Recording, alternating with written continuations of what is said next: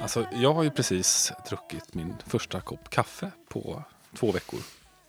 Grattis. Ja, tack. Eh, Så jag, jag känner ju av den Mm. och är superpeppad på podd. Ja, bra. Eh, För jag är ju otroligt känslig för typ allt. Men koffein är ju... Det har ju sina för och nackdelar. Mm. Eh, Fördelarna är uppenbara, nackdelarna är mer smygande. Typ Men vad har- är nackdelarna? Ja, men nackdelarna är typ att man får en liksom rastlös känsla i kroppen som man Mm. inte riktigt vet vad den handlar om. Och den kommer ju senare. Det är ju eftereffekten. Mm, mm. Typ, du kan ligga i sängen klockan tio på kvällen och känna att fan, jag kan inte komma ner i varv. Men kan, f- får du den om du har druckit kaffe till lunch? Eller? Ja, det, alltså, jag, Okej. tror att, jag tror det sitter i mig i 12 timmar eller någonting. Alltså det, om jag håller igång kaffet och Ja. dricker flera gånger om dagen så tar det aldrig slut. Nej. Det där. Den där loopen av kaffe bara fylls på hela tiden. Ja. Och så börjar man ju känna så här, det är min personlighet att vara så här energisk och ojämn. Ja. Så nu så min sömn har ju varit otroligt mycket bättre och jag har gått omkring med liksom ett lugn, på ett annat lugn också utan. Skönt. Men nu är det podd. Då är det dags att droga upp sig. Precis. Eh, Så att jag, jag går rakt på sak här. Ja, Mm, gör det. frågar dig. Har du snöat in på något på sistone, Anders? Ja, ja, jo, jag har det. Eh, jag hade egentligen tänkt att tala om kväkare. Mm. För det vet jag ju, det är någonting som intresserar alla. Eh, och du har säkert tänkt på det jättemycket. Men jag lämnar det ämnet lite grann för att jag tycker att den här senaste veckan har det på något sätt hänt grejer i USA där eh, Jill Biden kanske är på väg att bli världens viktigaste människa. Alltså Mm. professor, president Bidens fru. I det att det faktiskt på liksom det mumlas rätt mycket om att han borde avgå nu. Eh, inte avgå som president, men att inte ställa upp till omval. Mm. Eh, och det är inte bara för att kanske Trump just nu leder både i opinionsundersökningar och i, på bettinginstitut, så att säga, utan för att de, de ser att han kanske inte kommer klara av att genomföra en presidentvalskampanj. Och att då liksom kommer han att bana vägen för Trump. Och eh, det började redan i höstas egentligen med Obamas gamla Chief Strategist David Axelrod som sa till Biden redan i höstas att han borde inte ställa upp utan han borde liksom släppa ett, ett fritt startfält för lite yngre förmågor i det demokratiska partiet. Och eh, han har gjort en fantastisk insats som president, det är alla överens om. Så han har fått igenom extremt mycket saker genom båda kamrarna utan att man kanske vet om det på alla, på alla sätt och vis. säga. Men, men att eh, han har blivit så pass gammal så att det kommer bli svårt att vinna valet av den anledningen. Eh, Jag vet att jag, har pratat lite med olika journalister. Som jag, jag har många journalistkompisar. Mm. Och vi, vi hade ju en svensk statsminister, Stefan Löfven. Mm. Som, han var inte i en liknande situation eftersom han inte är hur gam, ja, 79 år gammal. Eller, hur gammal är han, Biden? 81. 81 till och med. Utan, men däremot så var han ingen vidare i intervjuer. Nej. Så att han hade ju liksom en, en, en eh, stab runt omkring sig som försökte förhindra honom att vara med i intervjuer. Mm. Så att den här hemlighetsfulla statsministern som vi hade, det var ju egentligen att han, ja, det var strategiskt. Någon Okej. andra som höll tillbaka. Right. För att det funkade liksom Ja. inte i intervjuer. Han sa olika saker och sådär. Han var inte så. Han var medietränad absolut, men han var, det, det var inte hans eh, främsta gren Nej. att tala med media. Eh, och det är lite den känslan man har med Bidens stab nu. Han var inte med på Super Bowl. Exakt. Han får inte hålla, han håller inga riktiga presskonferenser Nej. för att det kan hända något. Och det här är alltså världens viktigaste jobb. Ja. Om man jämför till exempel hur många intervjuer Obama eller Trump eller Mm. George W hade genomfört så här långt in i sin presidentperiod jämfört med Biden så ligger han långt, långt efter. Till exempel. Nej men, eh, Så det är egentligen inte förmågan att vara president och omge sig med kloka beslutsfattare och olika ministrar och sådana så här, utan det är det här att jag tror att de är rädda för att han inte kommer kunna genomföra kampanjandet och eventuella debatter mot Trump och att han kommer förlora på det. att det kommer bli så uppenbart. Ja, Och det här är ju ett beslut som egentligen, alltså han borde fatta det själv. Men, men eh, det- hade ju skrivits ett omdöme, du vet om Mm. att han hade offentliga papper. eh, Lite. Ja, att han var en gammal glömsk man. Mm. Så att han var förlåten. Det var liksom analysen av hans Ja, det var till och med den här just nu. killen, den här Robert Hur som var eh, den här som hade drivit i åklagardelen i det här målet om hur han förvarade sina dokument som hade sagt att han precis var en gammal glömsk man så att säga och, och därför kunde vara förlåten. Och det där är inte något bra. Det, det, var, det var det som fick så ta fart de här senaste veckorna. Mm. Och om man ska vara helt krass så är det ju en otroligt dålig idé att vara 81 år och ställa upp för att bli president i fyra år till. Mm. Jag menar, han kanske klarar första året, Mm. men det är ju tre år till. Jag menar, vad säger, alltså vi vet, allt man vet om hjärnans utveckling och annat, det, det pekar ju neråt enormt snabbt redan efter 40. Ja, jag vet. Ja, och Esther Klein spelade ju upp i sin podd så här, ljudklipp från, från förra Mm. valet 2020 och med ljudklipp nu när han pratar hur mycket, som, hur mycket han har åldrats de här åren. Det, det är fantastisk skillnad på tre fyra år. Alltså. Så att det ska bli intressant att se hur man gör det och vad som skulle hända då med hela den här ruljansen inför valet. Det- Folk är ju rädda för att det kanske skulle bli någon slags stor konflikt i Demokraterna men det kanske också skulle vara så att det skulle stimulera partiet och det skulle kunna bli ett otroligt mediasug för att bevaka den här frågan som skulle ta allt utrymme från Trump. Och Precis, och då blir Trump den, den, det gamla vanliga. Och den här nya är den nya. Ja, jag Och vet. Trump är ju gammal. Han är också gammal. Det är han som är 79. Och grejen är att skulle han åka i finkan eller på något sätt också, du vet, coola vippa eller någonting så här så, och eh, ja, det är väl Nikki Haley som står liksom näst till buds. Det är väl Mm. hon den enda som ställt upp här så, så skulle hon ju antagligen vinna över Biden. Mm.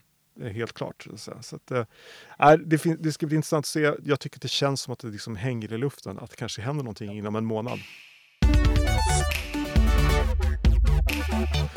Du själv då min vän, har du eh, snöat in på något? Det har jag ju. Ehm, ganska mycket olika saker som vanligt. Men jag tänkte uppehålla mig i Sverige faktiskt. Ja. I Upplands Väsby. Ja. För jag har tillbringat en hel del tid i Upplands Väsby på sistone.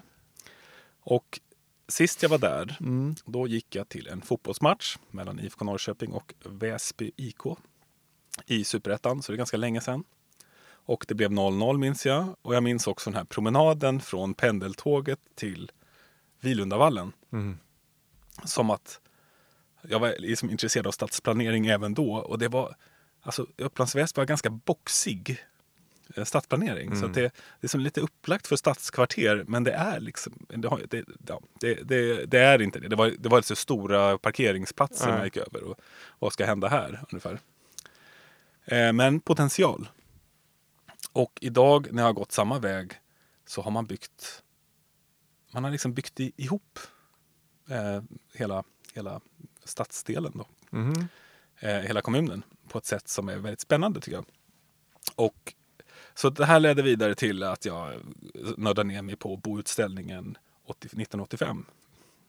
Bo 85 i Väsby. Det finns ju ganska många boutställningar i Sverige. Ja. Det här är ju Expo-relaterat minst sagt. Jaha. Och det har varit, ja, många kommer säkert ihåg Västra hamnen i Malmö. var Just en stor eh, boutställning. Och det har varit lite olika. Det har varit i Helsingborg bland annat. Just det. Och, ehm, I vattnet där. Och då så tänkte de här, och Väsbys utställning 85 var ganska häftig också. Alltså det är postmodern och det, det var också ett, ett brott mot andra, det gamla sättet att bygga stad på. Mhm. Att man ville ha variation och man ville ha ja, detaljer på husen och man ville bygga lite mer mysig småstad. Mhm. Så Väsby i grunden, 85, alltså 85 Väsby, är ganska spännande att titta på om man är intresserad. Det är så otroligt mycket färg överallt. Mm. Och så otroligt konstiga blandning av hus. Så att man blir i alla fall inte uttråkad. Ja, det kommer jag ihåg när du säger det faktiskt. Sist jag var där var typ 1990. Mm. Men då jag pluggade var kompis, kompis som bodde där. Och då, när du säger det här med färg, det är något, var någonting som jag faktiskt kommer ihåg. Och jag, alltså, det är ju februari när vi spelar in det här. Vi tittar ut genom fönstret, det är grått. Ja. Att det, här, det här är en sån hang-up jag har som är verkligen hang-up, hang-uppernas ha- hang-up. Att svenska arkitekter genom tiderna har ju liksom planerat för den perfekta sommardagen. När Ja. vi har de här dagarna i februari när man bara känner för att låsa in sig. Ja. Då kan vi åtminstone ha färg på husen. Ja. Och det har man i Väsby. Eh, och då tänkte eh, människorna där, i, som stadsplanerarna i Upplands Väsby, att vi gör om det här. Vi har en ny utställning, Bo 2015 Mhm. i Väsby. Kommer du ihåg den? Nej, Nej, den blev ju aldrig av. jag missade den. Okej. Eh, men de satte igång hela det arbetet. Och Ja. så startade de något som heter Väsby Labs. Där det här skulle liksom demokratisera stadsplaneringen. Där män, människor som bodde i Väsby fick vara med och tycka till om massa olika saker. Mm. Och eh, bland annat så gjorde de, rangordnade de sina favoritstilar i, eh, ja, byggnadsmässigt. Mm, Okej. Eh, och jag har listan här. Vilken tror? Det här är... I i- Väsby, Väsbybors i- favoritstilar. Okej. Mm, men jag tror det leder. Eh, Vilken tror du är etta? Uh, Jugend. Rätt! Är det sant? Mm. Sen kommer nyrenässans, sen 20-talsklassicism, nationalromantik, postmodern 2015 plus, alltså lite nyare hus, postmodern 2015 minus måste det vara här. Aha. Eh, folkhem, jag vet inte vad det var, postmodern art- 1980-90-tal, postmodern 2000 till 2010-tal, 10 kommer funkis och 11 miljonprogram. Ja, Jag kan säga att det är ganska mycket miljonprogram i Väsby. okej. ja. Eh, Och rätt lite Jugend också. och, ja, jag kan väl säga att det är, Som jag minns jag tror inte att det förekommer Nej. i Upplands Väsby. Nej, nej. Eh, men det, det som du, alltså det, det, det var tusen deltagare här. De har också en slogan som heter Väsby vågar och gör. Ja, Och till skillnad från många andra slogans så känner man av det när man är där. okej. För det de gjorde det var att de tog, de hade ett område som kallas för Fyrklövern som är omringat av stora blåa betonghus. Eller betong vet jag inte ens om det är. Plåt, plåt och Mm. betonghus. Miljonprogram som bara äger hela utrymmet i Väsby. Och så är det en väldigt stor re- rektangulär yta där de inte visste, ungefär där jag gick till fotbollsmatchen. Så de har nu fyllt upp med radhus, eh, skola, park, eh, jättehäftigt, konstigt, eh, guldigt eh, skyskrapa för, för äldrevård. Mhm. Ehm, att plötsligt så är det bara, det, det är kul. Mm. Det, det är på, påminner lite om den här Vallastaden i Linköping som var en Mm, annan mm, bomässa som var mm. bara variation. Just det. Ehm, och det är inte helt klart heller. Nej. Och nu ska de bygga ett jugendkvarter. Wow. Och det är liksom ett helt apart område längs en väg där bussen åker. Eh, som då ska bli två jugendkvarter. För det har ju folket sagt att de vill ha. Heja Väsby. Eller hur? Ja. Ja, ja men det är liksom det, och jag undrar vad de lägenheterna, jag undrar om det är hyresrätt eller bostadsrätt. Men Ja. det är spännande att se i alla fall hur, hur det där blir. Och sen ska jag också nämna om Väsby här att eh, det kanske folk känner till, men deras eh, station, stationshus, Ja. de, de mejlade Zaha Hadid när hon levde och Okej. frågade kan du göra något av det här? Ja. Jag har en ganska stor yta här som är lite död. Och hon svarade och kom med ett förslag som de nu ska genomföra. Dock, sen dog ju hon och det här förslaget är ju, men det är fortfarande det var ett extremt spektakulärt förslag. Ja. Alltså det, det ser ut som en rymdstation Ja. i en utopisk rymd som man hoppas att det ska se ut. Eh, mer anpassat för Dubai.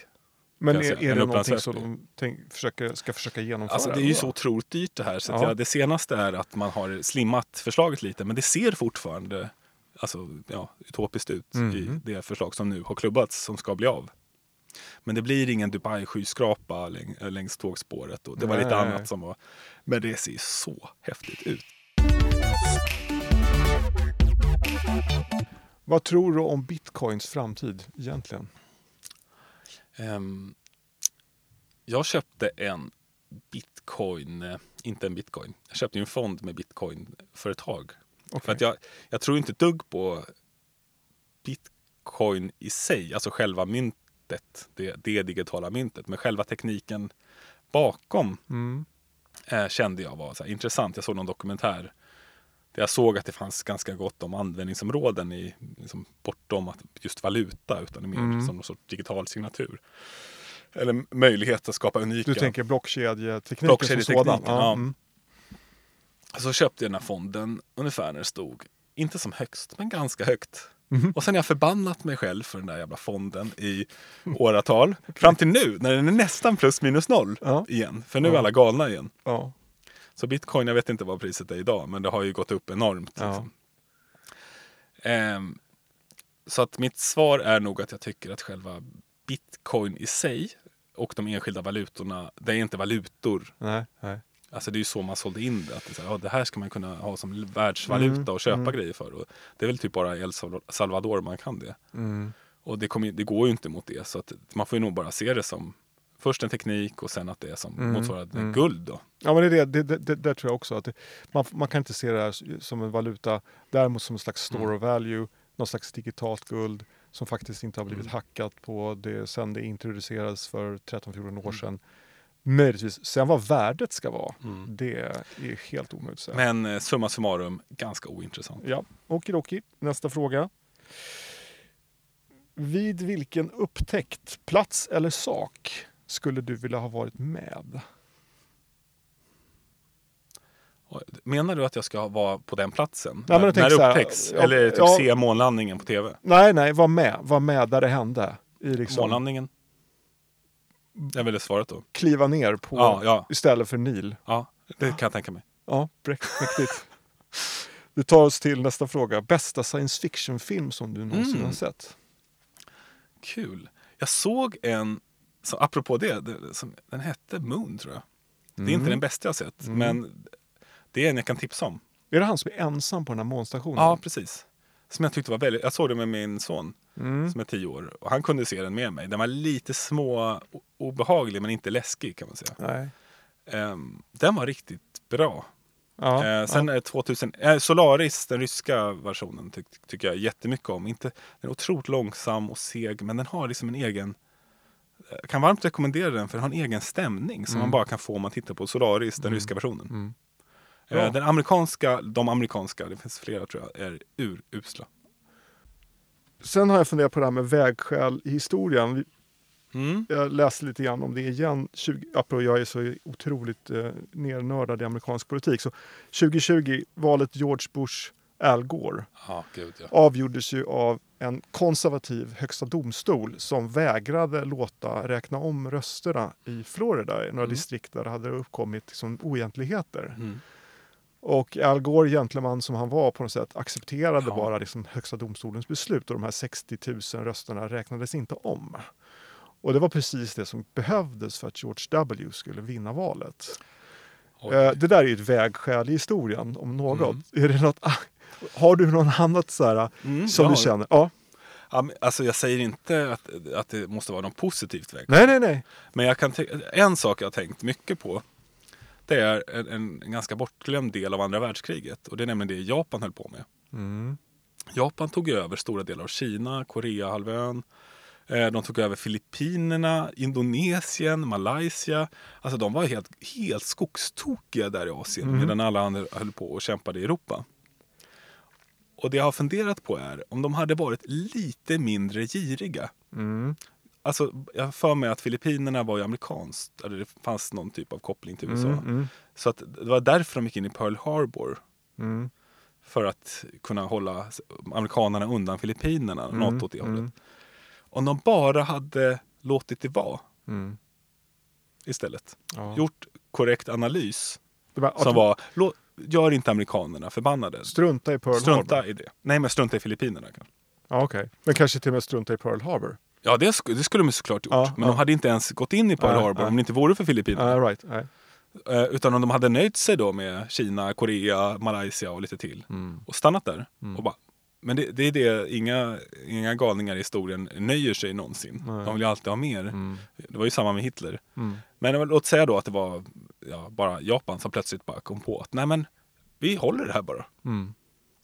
Nu ska jag också som disclaimer säga att det var helt fruktansvärda krig. De var ju helt vansinniga, Jap- Jap- japanerna och Mm. otroligt mor- modiska, krigiska och eh, ja, det var inte så behagligt Nej. att vara i deras i skottgluggen här.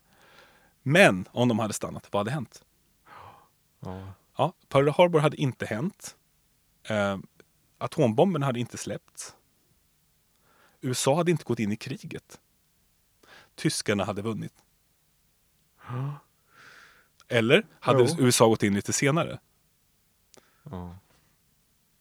Ja, det är, det är intressant att tänka. Det är ganska avgörande Eller vägskäl. Ja, men jag kan varmt rekommendera att kolla upp hela Jap- Japan-delen och Asien-delen av andra Ja. världskriget. För den Ja. pratar man inte så mycket om Nej. i Europa av Nej. olika självklara skäl. Men det var ett världskrig. Ja, det var det.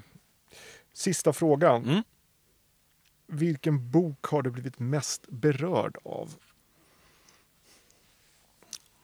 Jag har inte haft den här. Har Nej. inte ställt den här frågan förut? Nej, jag, hade, jag, jag tänkte om jag hade Jag gjort svarade det. Ira Levins En vacker dag jag, tror jag att jag har svarat en gång. Eh, då var jag helt, det är en science fiction bok som i princip när jag läste när jag var 18. Nej, Den- men du vet vad? Förlåt, den kanske är för närliggande, men den tror jag... det var, då var frågan, vilken bok har du läst flest gånger tror jag? Okej. Ja, men det var Eh, men det, det är förmodligen Men den jag var den mest, då? För den förändrade hela mitt sätt att se på mig. Alltså det, var, det var en bok som fick mig att se mig som en varelse på den här planeten som råkar ha Ira medvetande. Levins, vad hette boken? Eh, en vacker dag på Ja, just det. Ja. Eh, det vet jag inte om någon annan skulle få den in, insikten av det, eller kanske redan har den. Men då var det som att vakna upp, att bli vuxen på något sätt. Mm. Att se, oj, jag är dödlig, oj, jag bor på den här planeten. Jag är ett djur, Mm. ungefär. Mm. Eh, och det finns ett samhälle. Och samhället har varit här tidigare.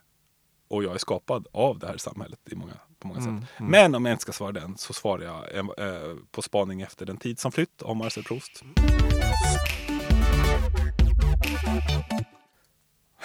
Ja. Då har vi då valt ett ämne för dagen. Mm. Hur valde vi det här ämnet, Anders? Vi, har, vi valde ämnet för att vi båda två hade läst Nathan Sachars artikel i DN om Ridley Scotts Napoleon-film som han sågade av den enkla anledningen att den inte liksom speglade verkligheten i det att uh, Napoleon var, när han var i Egypten så, så var han inte bara där för att liksom erövra Egypten utan han var väldigt intresserad av Egypten och de, och, och de liksom tog, kom dit forskare och de, de kartlade liksom hela historien och försökte liksom lära sig Egypten. Så det här scenariot att han stod med sina kanoner och sköt på Mm. pyramiderna, det är bara nys. Eh, och då tror jag vi fastnar för samma sak i den artikeln om man ska säga den där vurmen för eh, Orienten som fanns i Frankrike och Storbritannien från kanske sekelskiftet 1700-1800 och framåt. Mm. Hur kom den sig och, och hur, hur liksom, den, den var så stor och påtaglig på något sätt. Och sen har vi gått från det till Ja, det har vidgats. Det här ämnet som Ja. är då kanske, ämnet kan man väl säga svara Orienten. Ja, typ. Eh, och vad är det då? Liksom? Eh, och I den här artikeln så tar han ju upp att alltså, förutom de här soldaterna så hade han med sin hel vetenskaplig expedition, Just det. eh, Napoleon. Och deras uppdrag var att avbilda, analysera växter, stenar, språkets dialekter, nyttigt som onyttigt. Att det fanns liksom en kunskapstörst i det här, att en otrolig nyfikenhet Ja, på det här lite okända. ja, Och att man då i 60 år senare så gick alla österns eliter i franska skolor. ja. Och, ehm, och, redan, och när eh, 1952, när de blev självständiga, så talade man franska med hovet och, eh, alla, och även de lokala eliterna talade franska. Ja, till och med engelsmännen som ändå var väldigt Ja. under varför 1900-talet var ju där. Jag tänker, jag, är- när jag intresserade mig för Egypten sist, också för 30 typ år sedan, så här, läste om Howard Carter som Mm. grävde ut Tutankhamons grav och, och det var British Museum i Kairo och det var ena med det tredje. De var ju tvungna att kommunicera med egyptierna på franska då, Mm. de, alla de engelsmän som var där. Men det, det, var, det var liksom, vi, ämnet spann ut lite grann ju det här med Orienten är ju en konstruktion som på något sätt ska innefatta så extremt mycket. Ja men precis, alltså jag, jag kollade upp lite vad det betydde. Eh, och ordet oriens är latin och betyder öst. Mm. Eh, så vi pratar om öst här. Ja, Och till att börja med så gällde det östra Rom. ja, Eh, men man tog även med Marocko. ja. Vilket verkligen inte var öst. Så det var liksom Egypten ungefär, var Orienten. Är det Levanten, liksom med, medelhavs, östra medelhavet plus Ja. Spanien, Marocko? Ja, men typ så här, men eh, du vet, Rom var ju Östrom och Västrom och. Rom. Så att, eh, eh, innan förfallet liksom. Ja, Eh, men sen har ju man med öst kommit att mena allt annat än Europa ungefär. ja. Så att vi kommer väl, vår egen definition blir väl lite det. Tror jag. Mm. Att vi, det, eh, hela vägen till Japan. ja. Eh, och hur man... För vad det också handlar om är ju att den här... fascinationen för någonting man bara föreställer sig. Mm. För det var ju väldigt få som verkligen besökte de här platserna. Ja. Ändå så var det ju liksom så otroligt, man var så influerad av den här kulturen. Eh, det finns ju ganska många, liksom, alltså, jag, sökte på orientalism, Mm. eller orient, Orienten tror jag kanske sökte på, Mm. Wikipedia. Då hittar man på den engelska Wikipedia. Då dyker kinesiska paviljongen eh, i Drottningholm upp som Mm. på bild. Mm. Och, ehm, och turkiska tältet i Hagaparken. Mm. Ehm, Så att det är väl någonstans där, att, där vi har börjat gräva lite. Och vi har inte kommit så djupt. Men jag, jag, jag, Nej, men är, det kändes som att på något sätt att det kanske engelsmännen koncentrerade sig på Indien om man tänker den här delen av världen då på 1700-talet, Mm slutet av 1700-talet. Fransmännen kanske lite närmare då Egypten, delarna av Mellanöstern till viss del, så det som vi säger är Mellanöstern idag. Och, och på något sätt skulle, precis som du beskrev, då, vetenskapligt på något sätt, och eh, geografi och språk och sånt där, kartlägga det här och, och definiera det här. Och såg inte att det här liksom, ja, det var på något sätt von oben-attityd gör Ja, naturligtvis. säga. Mm. att liksom definiera de här, de här länderna åt sig själva för att de tyckte inte att befolkningen själva hade möjlighet att definiera sitt egna. Nej, men de egna skulle land. komma att civil- civilisera. de skulle här. civiliseras helt enkelt. Ja. Eh, och vi, ehm, alltså det, det är inte många googlingar ifrån att man hamnar på orientalism Nej. när man pratar om Orienten. Eh, och vad är det då? Ja, men det är nog fenomenet just det här att, att liksom på något sätt komma från väst och vara den som ska definiera den här regionen åt de här stackars människorna, människorna som bor där. Så att säga. Eh, och, det- och det var ju, om man tänker perioden då 1800 fram till 19 ja, till- till de andra världskriget så, här, så var det ju fransmännen och engelsmännen som, som gjorde detta. Så, så här, och det finns en, en intressant fakta att från 1800 till 1950 så skrevs det uppemot 60 000 böcker om den här delen som vi kallar Orienten i västvärlden. Eh, Men det skrevs liksom inga böcker i Orienten om västvärlden. Och västvärlden heter Occidenten. Occidenten, precis. Occidentalism finns det också något som heter. Det är Ja. bara inte jättekänt. Nej, precis. Eh, Men, men det här det var som ett extremt intresse och inte bara då liksom rent sådär naturvetenskapligt eller om man tänker sig att man geografi och, eller lingvistik, språk och sådär utan även då inte minst kulturellt utan jag menar, både inom konst och författarskap och så här på 1800-talet så var det ju mycket som, som ja, man hämtade inspiration härifrån. Man trodde att man hämtade inspiration från något riktigt och skrev eh, du vet, Tusen och natt och, och, och sådana här saker. Så, säga. så det var ju väldigt, väldigt eh, påverkade. Jag tänker på den här Youtube-filmen du skickade till mig som var en debatt. Ja. Eh, En nutida debatt. Var det Qatar? Va? Det var från Qatar, i Doha ja. Doha. Talks eller något sånt där. Ja, Där det var ungdomar framför allt och några experter. Eh, Nästan alla kvinnor då. alla kvinnor. Alla var kvinnor. Ja, det var några studenter i publiken Ja. som var killar typ. Som, som alla, och det var på engelska också, hela den här debatten. Så, så målgruppen var ju inte bara lokalpublik. Utan det här Nej. var en alltså, debatt där de pratade om orientalism. Just det. från dagens perspektiv. Där de visade olika, olika tavlor. Eh, som då visade, alltså, som hade målats av folk som inte ens hade besökt eh, Orienten. Då. I, vissa fall, men i andra fall så kanske det var lite rättvisande. Men det skapade också en känsla av att de människorna i Orienten var liksom lite vildar och så här, kvinnorna var väldigt sexuella. Och, Ja, precis. och, och, och många känner liksom inte igen den här bilden av ja, sin hem, sitt hem. Då. Och så tog de också upp lite sådana här eh, citat kopplade till Irakkriget och hur George W. Bush, igen, eh, hur han pratade om människorna Mm. i Irak. Det är lite samma grej här, nu ska de befrias här. Och så, Mm. Mm. och så ska vi lära dem hur man, hur man röstar och hur, hur, Ja, saker hur man fungerar. bygger en Ja, nation. Ja, Nation building, det var ju liksom företeelsen lite grann när amerikanerna tog över, axlade manteln i den här eh, kedjan från Frankrike, Storbritannien, eh, USA efter andra världskriget så var det väl först de första 10-20 åren handlade om att förhindra att kommunisterna skulle ta över den här Mm. regionen via Sovjetunionen och eventuellt Kina. Men sen i andra så var det ekonomiska förtecken med Mm. oljan naturligtvis Ja. från, från 60-70-talet och framåt. Eh, Men deras approach var liksom inte alls det här som engelsmännen och fransmännen hade haft i det här att de hade studerat, studerat liksom kulturen och kanske arkitekturen och historien utan de tog bara med sig det och så gjorde de om det till något slags samhällsvetenskapligt projekt. Att eh, nu ska vi lära de här människorna hur man skapar en, en, en Mm. stat och hur man styr den. Så här. Och i alla amerikanska filmer så har ju ondskan gått från att vara en nazist till att någon ett, liksom, eh, någon i ett arabland, Ja, svartmuskig ja, eh, och terrorist. ja. Ehm, eller hur? Så Jo. Indiana Jones-filmer och så. Vi, Ja, via, någon, via någon eh, sovjetisk... eh, Just det, det var eh, Sovjet så- också. En sån, en sån sväng, James Bond. Ja, men sen är ju oljan, och den kanske vi inte ska prata Nej, mycket om. Men, eh, men det har ju funnits ekonomiska skäl att vara intresserad av regionen. Bortom är att så här, eh, skicka just- vetenskapsmän. Var, jag, jag tror lite grann varför vi fastnar för den här artikeln båda två. Det var väl för någonting att man, det känns som att det händer så mycket spännande grejer Mm. där idag i den här regionen.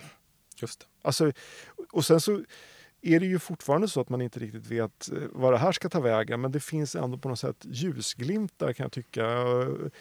Man kan tycka vad man vill om Saudiarabien och hur, Mm. de har behandlat eh, journalister och allt och sådär. Men på något sätt så känns det som att i den här hemska konflikten som pågår i regionen nu så är det så att de, de närmar sig ändå Israel. De, de, de, de har ambitionen att bli moderna länder, Mm. eller så att säga, tar sina länder vidare från, från till nästa steg, så att säga, känns som. Ehm, ja, alltså det, det är ju svårt att inte följa Saudiarabien med fascination. Också äckel. Alltså, jag menar, och sen hela det här fotbolls-VM som nyss var i Qatar. Och hur man byggde de där arenorna. Och Mm. vilka det var som gjorde det. Och, Mm. Så att det är inte som att de själva föregår med gott exempel här och försöker Nej. visa. Eh, Jag ska säga om den här eh, Youtube-filmen att där kände jag att den här occidentalismen var rätt stark. Mm. Att man betraktade hela väst som en och, ett och samma. Mm. Hela väst ser på oss så här. Mm. Och att man ändå går omkring med den bilden.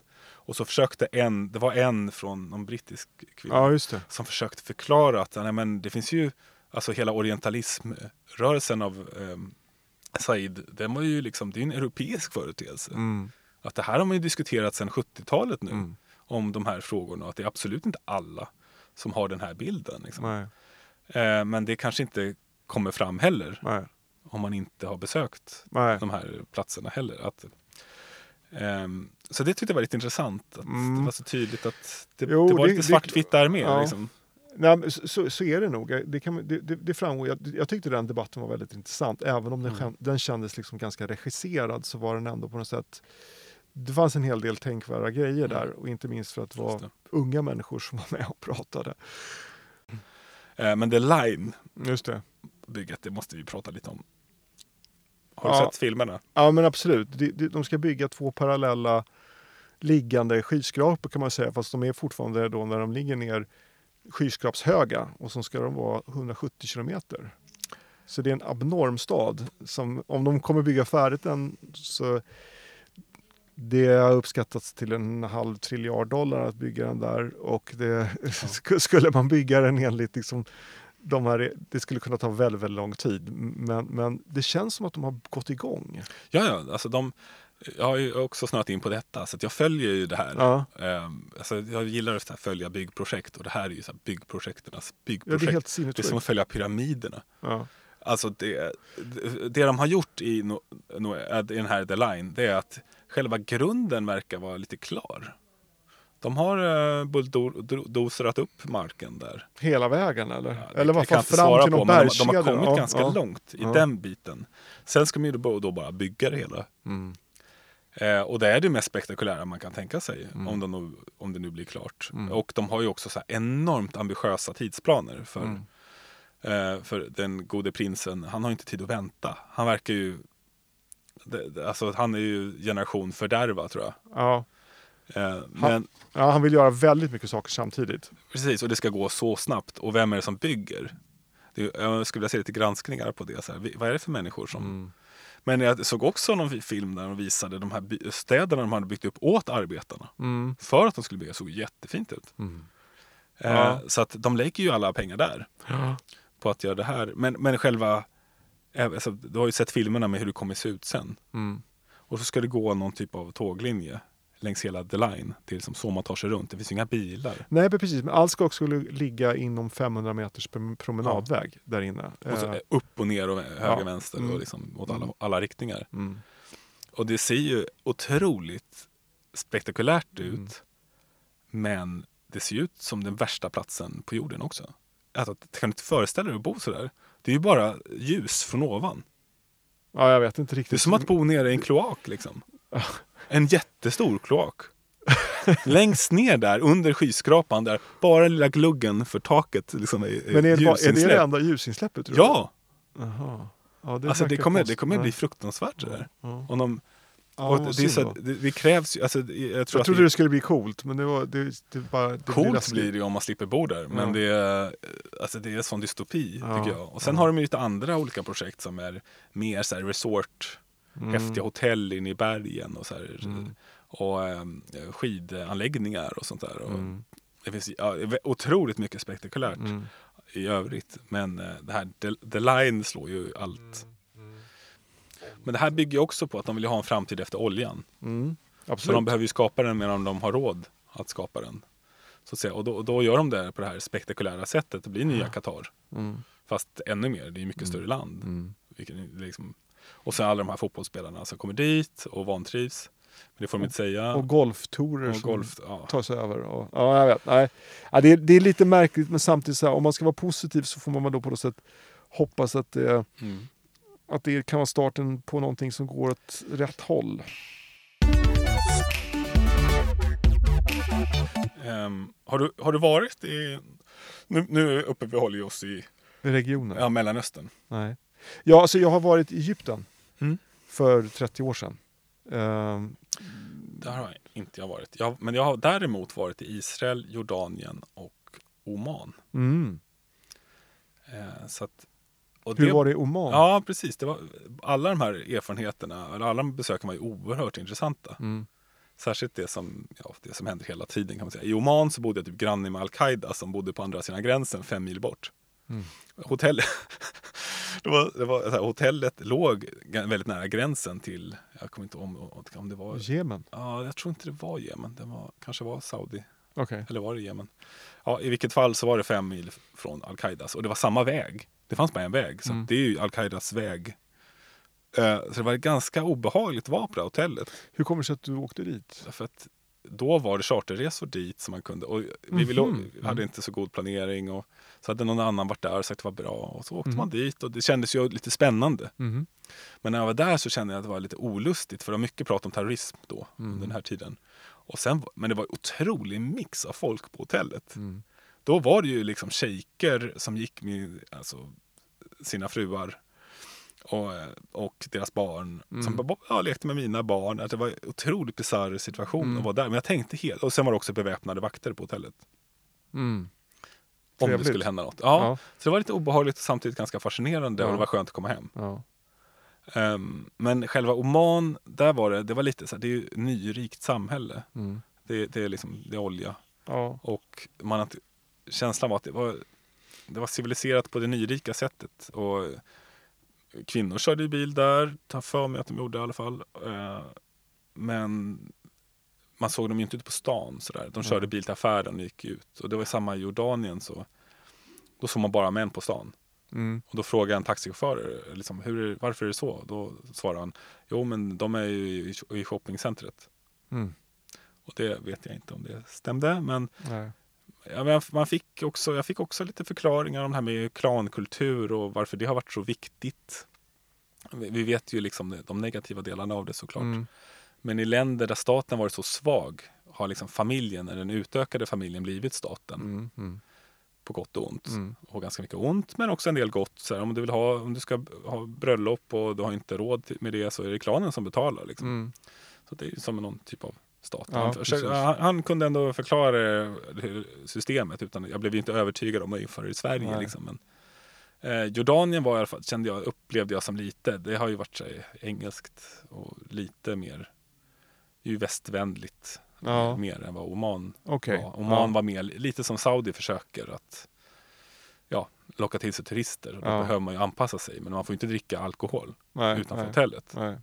Det är bara på hotellet det är tillåtet. Eller då var det det i alla fall. Och sen Israel då.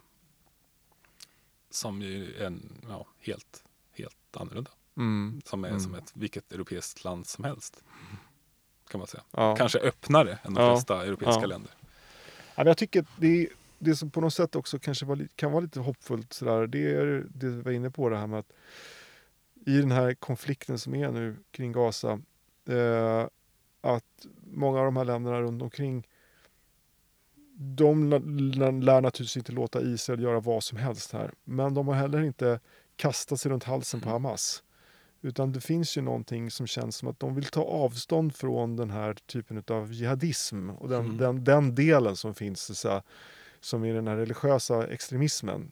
Det känns som att eh, Saudiarabien, Mm. Qatar, andra länder eh, ser att det där är fel väg att gå. Så att. Om Och- tar Egypten då som exempel så är ju, ja, de, de, de eh, regeras ju av en regim som eh, tog över efter mu- Muslimska brödraskapet Mm. som är typ Hamas egyptiska gren då. Så de har, de har ju ingen, de promotar ju inte Hamas precis. Ehm, men du, du har ju helt rätt i det att man, man ser tecken på i alla fall förändrat beteende. Mm. Sen vad det kommer leda till eller varför vet man ju inte. Och vi ska, vi ska ju inte diskutera den frågan i denna podd. Nej, det, det, det, var- Eh, Men var- det, är intressant att se att det, det är förändrat beteende. Och sen har vi ju det här med klimatmötet i, som också var i Qatar. mm. Och som då eh, han, eh, chefsförhandlaren, vad, vad, vad var han, vd för oljebolag? Ja, just det. Ja. Men jag tyckte det var så intressant. Många, många med mig då anser ju att det ändå var ett väldigt lyckat möte. Ja. Jag tyckte det var så intressant att alltså, de, just Qatar, de här länderna som ändå till slut gick med på de här villkoren. Och särskilt Qatar, att det var viktigare för dem, kändes det som i alla fall, att vinna mötet Ja. än att få igenom sina frågor. Ja. Att, för, att mötet ska bli en framgång? Ja, precis. Ja. ja. Det där är väl alltid så att det måste liksom se efteråt om det blir en framgång Mm. eller inte. Men det var ändå då- det var en del formuleringar och så där som, som stötte på motstånd i början men sen så liksom gick igenom som ändå var hyfsat Mm. skarpa och sådär. Det, det är så svårt att säga men det känns ju som att de insåg nu också att det här med att bränna olja det kommer inte långsiktigt funka. Och vi Tror måste ställa om. Ja, Jag tror, jag tror att, det, att det upplever deras sätt att bete sig och, Mm. i, i den internationella miljön som att de, de vill visa att de är i mitten av världen. Och att det, de vill bli sedda. De har liksom inte betraktats som jämlikar tidigare. Nej. Och nu vill de vara i mitten av alla, varenda konflikt ska förhandlas av Qatar. Mm. Och då är det viktigt att visa att man får igenom saker. Och det är kanske till och med så att det är bara de som kan få igenom saker. Mm. Att det är bara de som både Ryssland och USA lyssnar på. Ja, Eller men du- Kina och men- Tyskland. Ja, men du tänker ändå att de inte har, att de inte har ambitioner att själva fasa ut fossila bränslen? Eller? Alltså, det, är- alltså både, att alla de där länderna det byggs ju helt och hållet på fossila bränslen. Jo, jag vet, men, men de, eh, att de ser också att det finns en, en att de, att de ja, inte idag, inte imorgon, men att de ser att det finns ett, något ändligt i det där. Att eh, Det, det världen ställer om, eh, efterfrågan på deras produkt kommer gå ner. Mm. Oljan plötsligt kanske står i 20 dollar istället för 80 dollar. Eh, det bygger på att de också måste utveckla andra delar av sin ekonomi. Så att säga. Mm. De måste ha, skapa en serviceindustri, kanske därför man ska satsa 40 miljarder dollar på e- e-sport och gaming. Och sådär.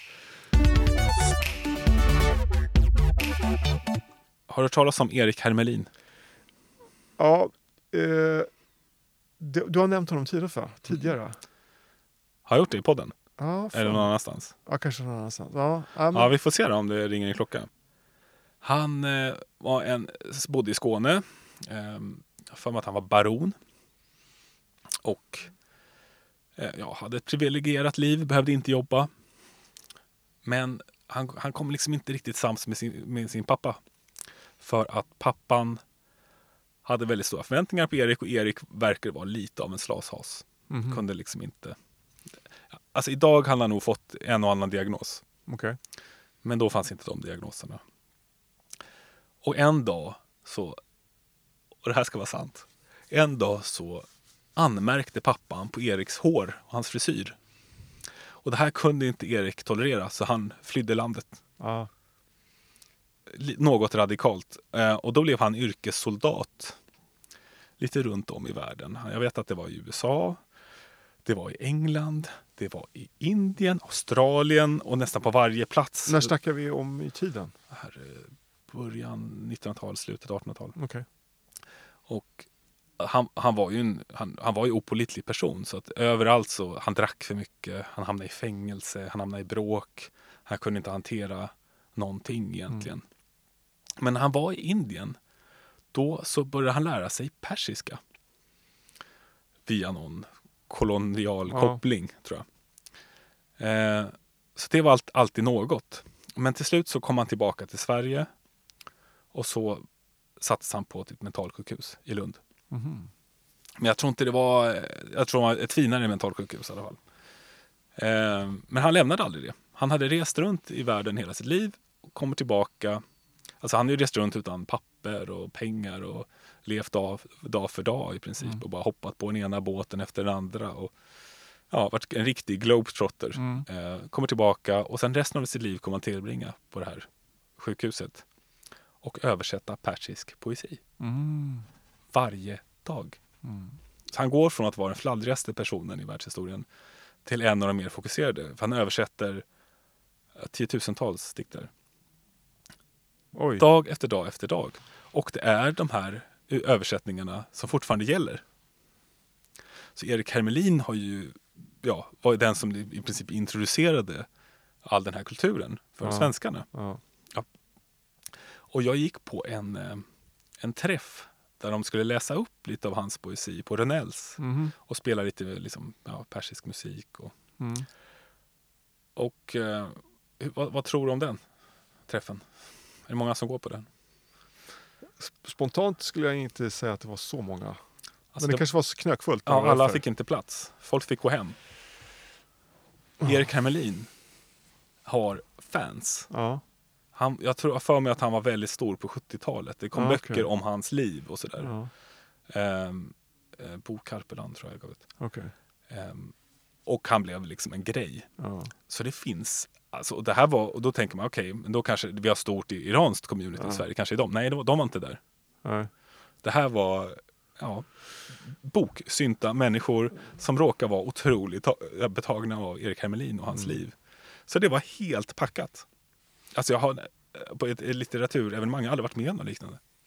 Att är folk fick alltså gå i dörren. Ja, men det är lite intressant då, för just den där perioden då, om vi pratar om förra, förra eller sekelskiftet 1800-1900 och århundradet innan och sådär. Mm. De, som, de som faktiskt reste till den här delen av världen för att de var intresserade av kulturen, alltså de, de Mm. som ville från väst på något sätt studera Orienten. Och så men det var ju väldigt många av dem som, som fastnade för den på ett sätt som inte bara var liksom som forskare utan det är många som konverterade till islam och, Mm. och liksom inte bara lärde sig språket utan liksom anammade det på ett helt annat sätt än att bara som, som forskare. Så att säga. Och, han var ju tydligen en sån också, annars hade han ju inte kommit dit att han hade lärt sig Nej, på men det det här var sättet. som en religiös övertygelse. Ja. Att han, det är det här jag ska göra av mitt liv. Ja. Det här är så meningsfullt och de här dikterna talar till mig på djupet. Mm. På ett sätt som inga andra diktare har gjort. Ja, precis. Och det är lite in- intressant för att när jag läste den här Edward Saids eh, Orientalism så när han beskriver när USA tar över liksom, axlar manteln från England och Frankrike Mm. så, så var USAs approach som han beskriver det att de vill inte liksom lära sig Orienten utifrån att lära sig språket på den eller kulturen Mm. på det sättet eller antropologi, historia utan de, de såg det som, som jag sa förut som ett slags samhällsvetenskap, samhällsvetenskapligt projekt. Och, och det var liksom de lärde sig det här språket inte för att kunna förstå utan för att kunna påverka. Eh, det som vi ska lära de här människorna västliga Mm. attityder och värderingar och sådana saker. Medan den här killen och många andra som forskade eller som var där och reste gick den andra vägen. De, de tog deras värderingar och eh, deras kultur på något sätt. Och det, alltså just den här persiska poesin har ju så anor och den persiska kulturen är liksom högkultur verkligen Mm. som varit liksom o- Man kan ju förstå att, de, att europeer var fascinerade Mm, över något som funnits så länge och som hade sånt djup och som fortfarande Alltså, alltså persisk poesi, varenda iranier jag träffat kan liksom läsa upp dikter bara ur minnet. Ja, man får inte glömma bort det. Att liksom, från romarrikets fall och fram Mm. till typ senmedeltid i Europa så var det ju ändå så att den här regionen stod ju för all banbrytande grejer inom typ matematik och geometri och de tog fram de siffror som vi använder idag i Europa. Alltså det, det, hela hela liksom vetenskapen kommer ju därifrån. Som Ja. Mycket av liksom byggnation och konstruktion och Ja, sådana saker. Jag har just varit i en region där det moriska arvet är ju överallt. Ja. Alltså det var ju många sekler som Sevilla och Andalusien var um, moriskt. Mm. Och många av kyrkorna, jag var i Cordoba till exempel som är världens största, Europas största moské. Men det är också en kyrka. Mm. För att när det förkristnades så bara insåg de ju att det var ju dumt att ta bort det där huset som var Mm. helt fantastiskt. Mm. Vi gör det till en kyrka istället. Mm. Så många av de här kyrktornen är egentligen eh, min- minareter. Mhm. Även i, Mm. i Sevilla. Som Mm. deras, de har ett stort torn som är deras liksom, Giralda. Ja. Som är deras eh, ja, signaturbyggnad som Ja. också är en minaret. Mm. Eh, och det är det som gör regionen så spännande. Mm. Mm. Det tycker jag är nästan det som, nästan, ja, typ, min, min favoritresmål är Sarajevo till exempel. Mm. För att det är så spännande, för det är, det är mixen som Mm. gör det Mm. dynamiskt. Ja. Att det är inte lika kul att åka till platser där allt är samma. Nej. Hela tiden. Så är det. Ehm, ja du, jag tänkte faktiskt hoppa ganska långt nu. Till japonismen. Jag tänkte att jag ville nämna den också. Det tycker jag är bra, för jag, jag höll på att glömma bort det. För att jag menar, det, det, Det hänger ihop. Vi var ju inne på det här med konstnärer och inte minst svenska konstnärer som tog intryck av och målade orientaliska motiv Mm. om man säger så. Men, men sen var det ju själva estetiken i sig själv så att säga, som anammades både som inredningsideal Mm. och i konsten. Där kan man titta på typ Bruno Liljefors och Mm. Carl Larsson, alltså de ja- japanska träsnitt, hur de har inspirerat tidiga Br- Bruno Liljefors. Man kan tänka på eh, Carl Larssons markerade konturlinjer och sådana här saker. Typiskt eh, japansk inspirerat. Det var många andra som hade du vet, ty- typ japanska solfjädrar på väggarna hemma och det Mm. var det, sådana här skärmväggar med, med japanska eller ja, motiv och sådär. Så att det, det var det är en stor del av det som är kan... För lite kritik mot Edward Said har ju, har ju varit det här med att, att han, han är kritisk till den här yttre blicken. Mm, Att, att, så en, en slutsats har varit att man måste liksom vara del av någonting för identitetspolitiken. Typ. Att man måste vara en del av någonting för att kunna analysera någonting. mm, Vilket jag tycker är lite så trist.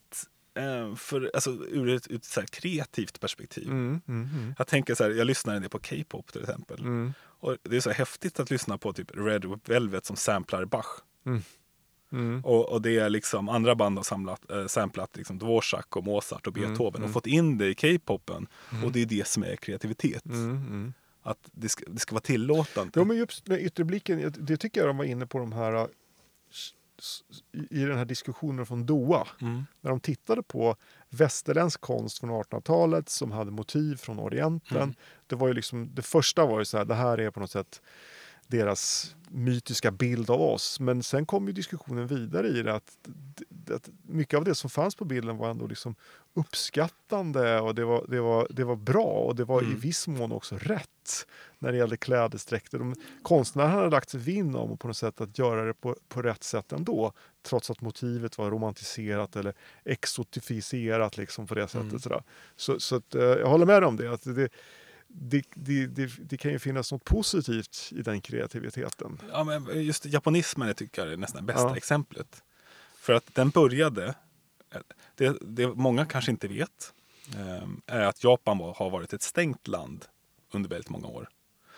Eh, I faktiskt 200 år så var Japan stängt för omvärlden. Mm. Så att säga, Japan är väl liksom någon sorts samhällenas eh, motsvarighet till typ bläckfisken mm. när det gäller evolutionen. Mm. Alltså, bläckfisken har dragit iväg åt ett annat håll i evolutionen mm. för att ja, har levt någon mm. annanstans mm. än vad vi har gjort. Mm. Så att den har fått en annan typ av intelligens. Och så är det ju även med Japan som har levt, varit ett helt skyddat land i 200 mm. år. Mm. Fram till de plötsligt öppnade och var med på världsutställningen igen 1867 i Paris.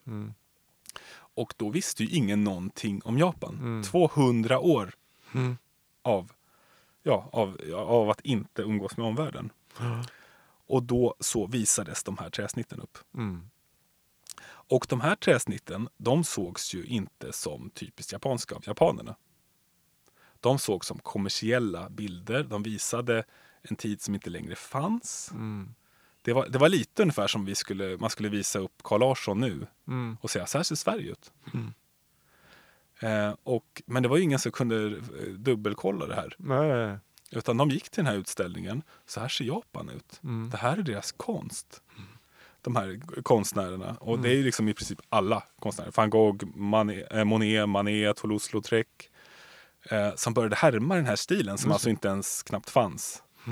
Det var inte den riktiga japanska stilen, men det var den de föreställde ja, sig var Japan. Ja. Och skapade då massa andra stilar utifrån den här mm imaginära mm. japanska mm. stilen. Um, och att man, liksom, man, såg det liksom som vulgära bilder i Japan. Mm. Under lång tid. Mm. Um, ja, jag, jag, tycker liksom att det är fascinerande. Det säger också någonting. Och, ja, det är väl så det är. Man, har, man kan aldrig riktigt veta exakt hur någonting är. Nej, och, och, och det, är liksom så här, det var i varje fall inget avståndstagande utan det var en nyfikenhet mm. som präglade det där. Så det var kanske inte bara det här att man skulle liksom, jag ska komma på ett nytt sätt att måla som ska liksom sticka ut, utan mm. det var man, man var genuint fascinerad av den typen av avbildningar. Jag vill integrera det i min egen konst. Mm. Jag tror att det, kombinationen kan göra intressant, så att säga. Med, så här, motiv från min värld, mm. fast uttryckta på ett, mm. på ett sätt som är inspirerat av Japan. Och det är väl lite det som jag gillar med K-pop egentligen. Att de är så helt totalt orädda för att sampla vad som helst. Ja, och sjunga blandat koreanska, engelska, absolut. whatever. Ja, visst. Nej, men det, det är jätteroligt. Och det är det som är kreativitet. Ja. Att man ska få tillåtas göra det. Det är klart att, om man, det, är, klart att det är problematiskt, problematiskt om man så åter... åter eh, om det blir mycket av samma. Liksom. Ja, ja, ja, jo, det kan ju bli som tjatigt de här, och tråkigt. De här bilderna och sådär. Ja, ja. Men men att vi ändå ska ha kanske lite vara lite snällare mot varandra åt båda hållen. Att, ja, att öppna absolut. för att, och tolkningar och mm. att okej, okay, det blev inte helt rätt, men det blev intressant. Så mm. Låt mig mm. förklara. Mm. Eh, men det är ju lätt för oss att säga så här mm. några hundra år efteråt.